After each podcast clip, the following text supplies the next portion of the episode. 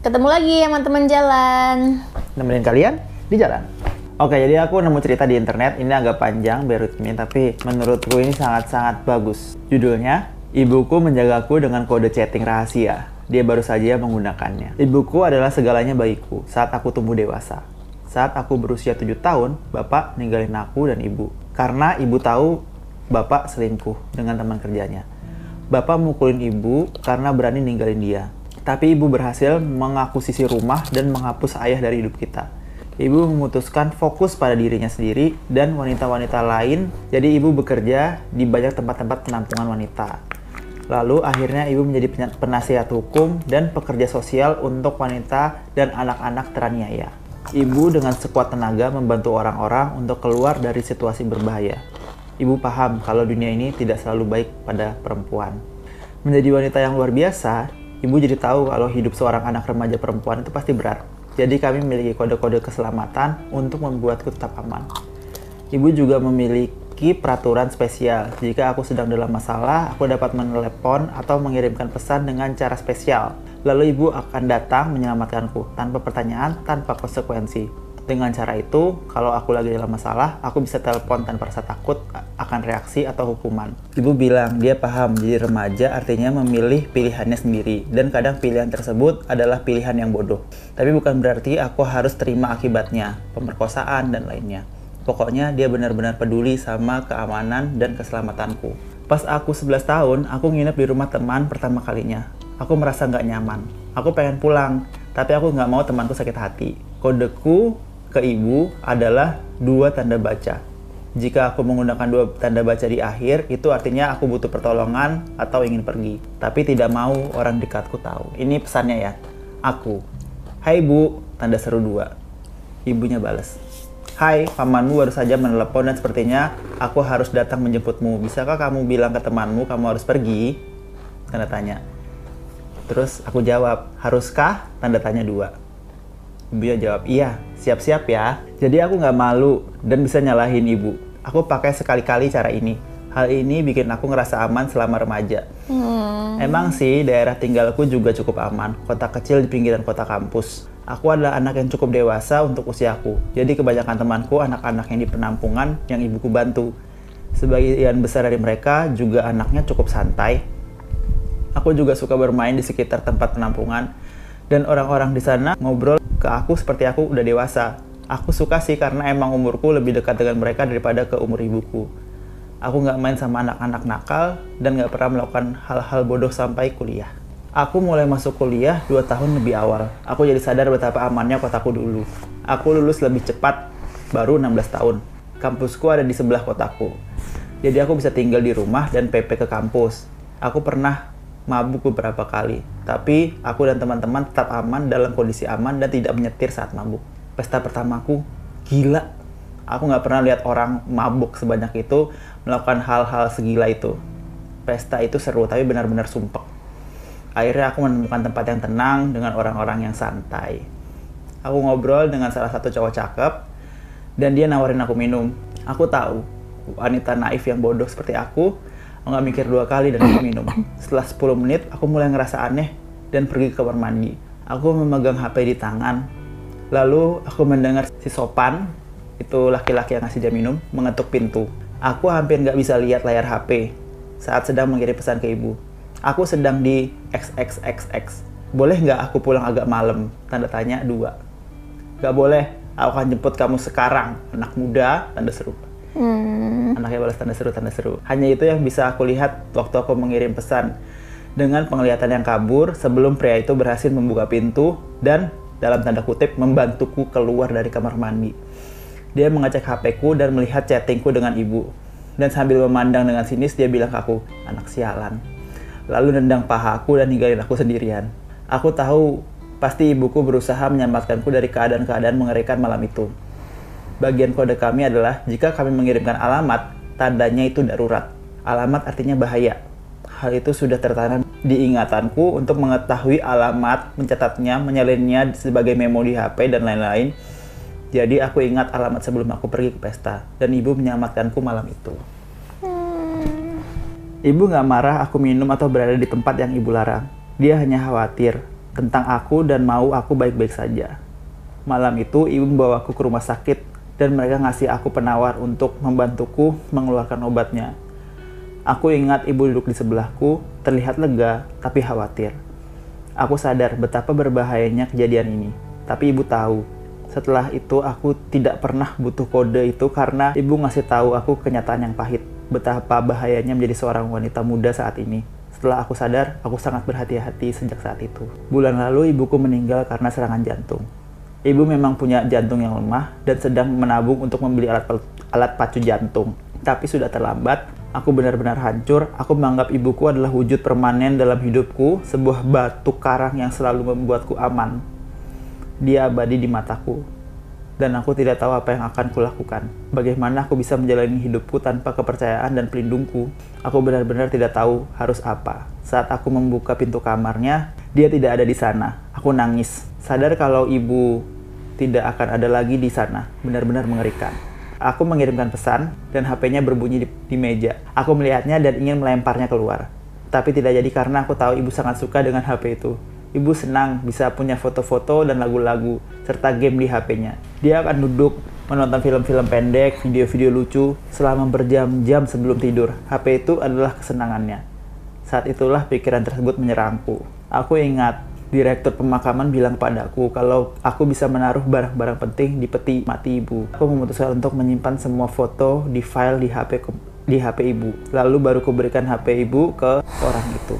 Aku senang membayangkan ibu bermain dengan HP-nya sambil tertawa-tawa melihat video-video di atas sana. Bayangan tersebut membuatku tersenyum dan menghilangkan sedikit kesedihanku. Aku tahu itu konyol dan aku tidak tahu berapa lama tagihan HP ini akan aku bayar, tapi aku tidak bisa berhenti membayangkannya. Dia selalu bercanda menghantuiku untuk memainkan game dan menonton video. Jadi kenapa tidak berikan saja agar ibu tidak menghantuiku. Pemakamannya sedih tapi mengharukan. Dia dikelilingi bunga-bunga kesukaannya. Wanita datang silih berganti ke aku dan bilang betapa besar perbedaan yang dibuat ibu dalam hidup mereka.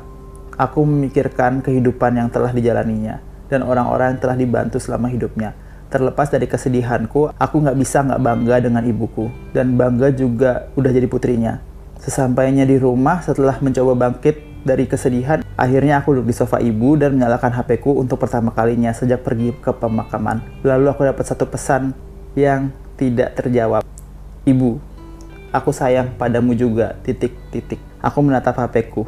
Pesan yang aku kirimkan di hari saat ibu meninggal ada di situ. Jadi dapat dipastikan kalau itu bukan nomor palsu. Awalnya aku pikir itu hanya gurauan saja tapi aku tidak tahu siapa yang akan melakukan hal seperti ini. Akhirnya aku putuskan untuk menganggap itu adalah pesan dari teman baik ibu yang dibagikan nomor HP-nya. Aku, tolong jangan hubungi aku dari nomor ini, ini nomor ibuku, dan dia baru saja meninggal. Aku menunggu melihat tanda titik-titik yang artinya sedang mengetik. Hatiku tercekat saat menunggu balasan pesan itu dari siapa pun yang memakai nomor ibu. Ibu, aku di XXX. Bisakah kamu mengunjungiku? Tanda tanya dua. Aku terdiam. Aku tidak bisa Aku tidak memperhatikan pesan pertama. Aku terlalu panik. Dua titik. Aku membaca ulang pesan kedua. Itu lokasi pemakaman dengan dua tanda baca. Dia dikubur hidup-hidup. Aku menelepon direktur pemakaman dan memohon padanya untuk menemuiku kembali di tempat tadi. Ada yang tidak benar. Dia bersumpah ke atas dan bawah kalau ibu tidak mungkin hidup. Mereka tidak melakukan otopsi, tapi ibu sudah meninggal. Aku hanya menangis dan memohon sambil menunjukkan pesannya sampai akhirnya dia setuju untuk bertemu denganku dan membantuku mencari tahu apa yang terjadi. Aku sendiri yang menaruh HP itu di peti mati ibu sebelum disegel. Tidak ada orang lain yang memiliki HP itu. Selain ibu. Akhirnya karena yakin tidak ada yang bisa menenangkan tangisanku, dia pun memanggil panggilan darurat. Tanahnya masih baru, jadi masih mudah untuk digali dengan cepat. Mereka membuka peti mati dan HP-nya ternyata ada di tangan ibu, bukan di tempat di mana aku taruh tadi. Di layarnya ada pesan yang belum terkirim padaku tulisannya di bawahku titik titik maksudnya di bawahku ya nggak tahu Cil itu adalah hari di mana mereka menemukan mayat pertama. Gadis-gadis remaja yang menghilang selama bertahun-tahun. Banyak gadis yang hilang selama enam tahun terakhir ini, tapi kebanyakan dianggap kabur dan diabaikan. Keluarga-keluarga telah memohon pada polisi untuk mencari anak mereka, tapi tidak ditanggapi. Ternyata penjaga kuburan mengintai keluarga yang berduka. Dia mengikuti gadis-gadis dan menculik mereka saat pulang sekolah dia membunuh mereka dan menguburnya di bawah kuburan baru sebelum memasukkan peti mati, menyembunyikan semua bukti kejahatannya di depan mata. Setelah menemukan peta kubur dan cindera mata tanda kutip miliknya, mereka berhasil menemukan 27 korban dari pembunuh itu. Bagiku bukti paling mengerikan yang ada mereka temukan, tapi mereka enggan menunjukkannya padaku. Tapi karena aku desak, akhirnya mereka tunjukkan. Ternyata itu adalah kumpulan foto di pemakaman ibuku, yang mana ada foto keponakanku yang berusia 13 tahun yang dilingkari. Aku tahu kalian akan bertanya, jadi akan aku beritahu. Aku mendapatkan satu pesan terakhir dari ibuku. Seminggu setelah semua media sudah tenang, aku bisa kembali dalam kesedihanku. Susah untuk merasa berduka saat semua orang bertanya padamu tentang hal ini dan bilang kalau kamu adalah penyelamat. Aku tahu aku bukan, tapi mereka tidak mau mendengarkan ceritaku. Mereka hanya mengira aku melihat sesuatu sebelum peti mati ibu diturunkan. Jadi setelah akhirnya aku bisa duduk menyendiri, aku nonton film horor kesukaan ibu dan aku mengirim pesan pada ibu untuk terakhir kalinya. Aku tidak mengharapkan suatu hal mistis dan aku menganggapnya hanya sebagai penutupan. Aku sayang ibu, aku akan banget sama ibu. Aku harap ibu bahagia di mana pun ibu berada sekarang. Lalu aku menaruh HP ku dan mengelap air mata. Film ini masih tetap bagus seperti saat pertama kali ibu menunjukkannya padaku. Dan itu merupakan obat untuk merasakan emosi ini. Aku benar-benar kaget saat nada dering dari pesan ibu berbunyi. Aku mencintaimu sayang, dan benar begitu. Tadi ada kisah nyata tadi. Eh, eh bukan berarti bukan kisah nyata, cium kayak gini. Ternyata murder mystery. Wah, aku tadi udah kayak, weh psikologis gitu kan, psikologis anak gitu. Ya, enak banget ya kalau anak itu bisa benar-benar ngerasa safe, nggak dijudge. Ya kita tuh salah tuh nggak apa-apa, tapi bukan berarti kita pantas buat diperkosa kan. Nggak- kita tuh emang goblok keluar malam-malam, tapi bukan berarti kita pantas buat dibunuh kan, kayak gitu loh. Jadi kayak, dan dia posisinya tadi tuh serem banget karena emang di Amerika kan emang banyak banget kasus-kasus pemerkosaan waktu lagi Mabuk. party-party itu kan. Dan bilangnya gara-gara mabuk, padahal dimasukin obat kan. Mm-mm. di drugs dan untuk orang tua nggak ngejudge anak itu dimulai dari waktu kecilnya anaknya tuh pakai kode-kode itu untuk hal nggak penting ibunya tuh tetap nggak ngejudge nggak bilang masa Ya main kayak gitu. kayak gitu." Iya, bener sih. jadinya di tetap boleh dipakai Mm. ngerasa divalidasi nggak sih kayak gitu? Karena gara-gara kita tuh anak-anak terus sama orang tua tuh kita di dismiss gitu loh. Iya. ngomong apa tuh nggak didengerin. Dan apa yang ibunya lakuin ini benar-benar membangun kepercayaan anaknya kalau ibunya tuh bisa beneran diandalkan kan untuk masalah kayak gini. Dan beneran bisa diandelin terus ujung-ujungnya jadi cerita horor. Iya kenapa ujung-ujungnya kayak gitu aku sih? waktu waktu waktu nerjemahin anjir. Anjir keren banget. Kayak gitu. Apaan sih apanya yang keren? Jadi ini tuh mengurangi esensinya. Jadi kalau aku sih ambil pesan kepercayaan tuh datang dua datang dua arah ya emang. Iya, banyak orang tua yang mikir anakku tuh shut off banget sih nggak mau cerita Hmm. sama orang tua, punya pacar diem-diem, putus diem-diem. Ini pokoknya dia nggak pernah cerita sama sekali. Ya, padahal ya dari kecil mereka nggak didengerin, Ya, nggak divalidasi, terus diremehkan. Kayak misalnya anaknya cerita, "Oh, tadi tuh mainanku jatuh, itu ya elah kan jatuh bisa diambil kayak gitu misalnya. Padahal kan dia beneran sedih ya gara-gara jatuh mungkin jadi penyok atau gimana misalnya. atau kotor atau itu lebih baik kayak oh iya terus gimana kamunya? Terus anaknya bilang aku sedih gini gini didengerin terus diikutin aja gitu loh jangan diremehin. Kalau aku sih nggak nggak mau kayak gitu karena kecil ya kayak "Apa sih bocah kayak gitu. Tapi karena itulah kan kita nggak punya anak karena nggak nggak mau buang-buang waktu buat kayak gitu. Tapi buat kalian yang punya anak nggak boleh kayak aku gini kalian harus memvalidasi anak kalian. Ya karena kalian kan orang lebih baik lah daripada kita kan kayak gitu kan Tapi kayak mimpi gak sih ada orang tua yang ya makanya cuma cerita doang ya kan di dunia nyata mana ada orang tua kayak gitu yang bisa ngasih kepercayaan anaknya sampai kayak gitu.